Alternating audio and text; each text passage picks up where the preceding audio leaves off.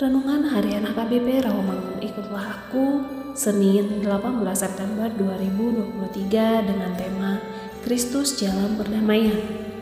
Bacaan kita pada pagi hari ini diambil dari Yeremia pasal 25 ayat 1 sampai dengan ayat 14. Dan bacaan kita pada malam hari ini diambil dari Markus pasal 5 ayat 6 sampai dengan ayat 20 dan kebenaran firman Tuhan untuk hari ini diambil dari Roma pasal 3 ayat 25 demikian firman Tuhan.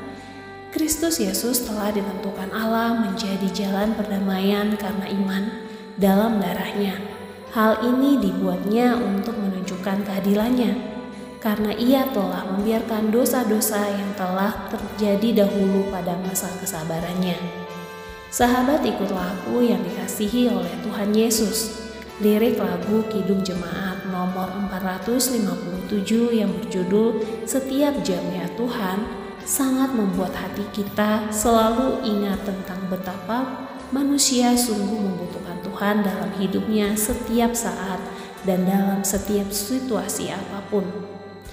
Banyak masalah yang dihadapi oleh manusia, sehingga ia pun selalu punya peluang untuk menjadi pribadi yang selalu membutuhkan Tuhan dalam hidupnya.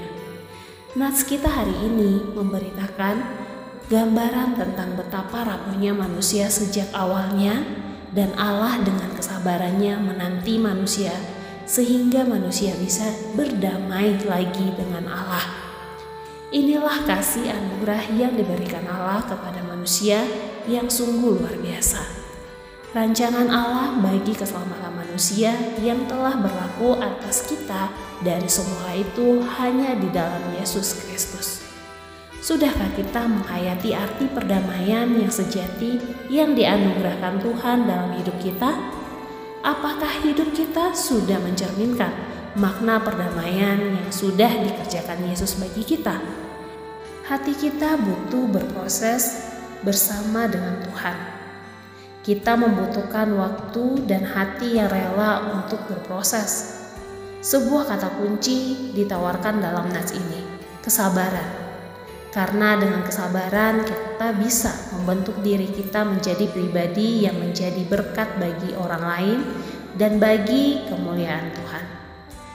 Kita sanggup untuk berelasi dengan sesama, bersahabat dengan segala situasi yang terkadang tidak baik. Dengan demikian, kita menjadi manusia yang memaknai perdamaian yang dilakukan Tuhan dan mengalami pertumbuhan yang menghasilkan buah. Amin. Marilah kita berdoa.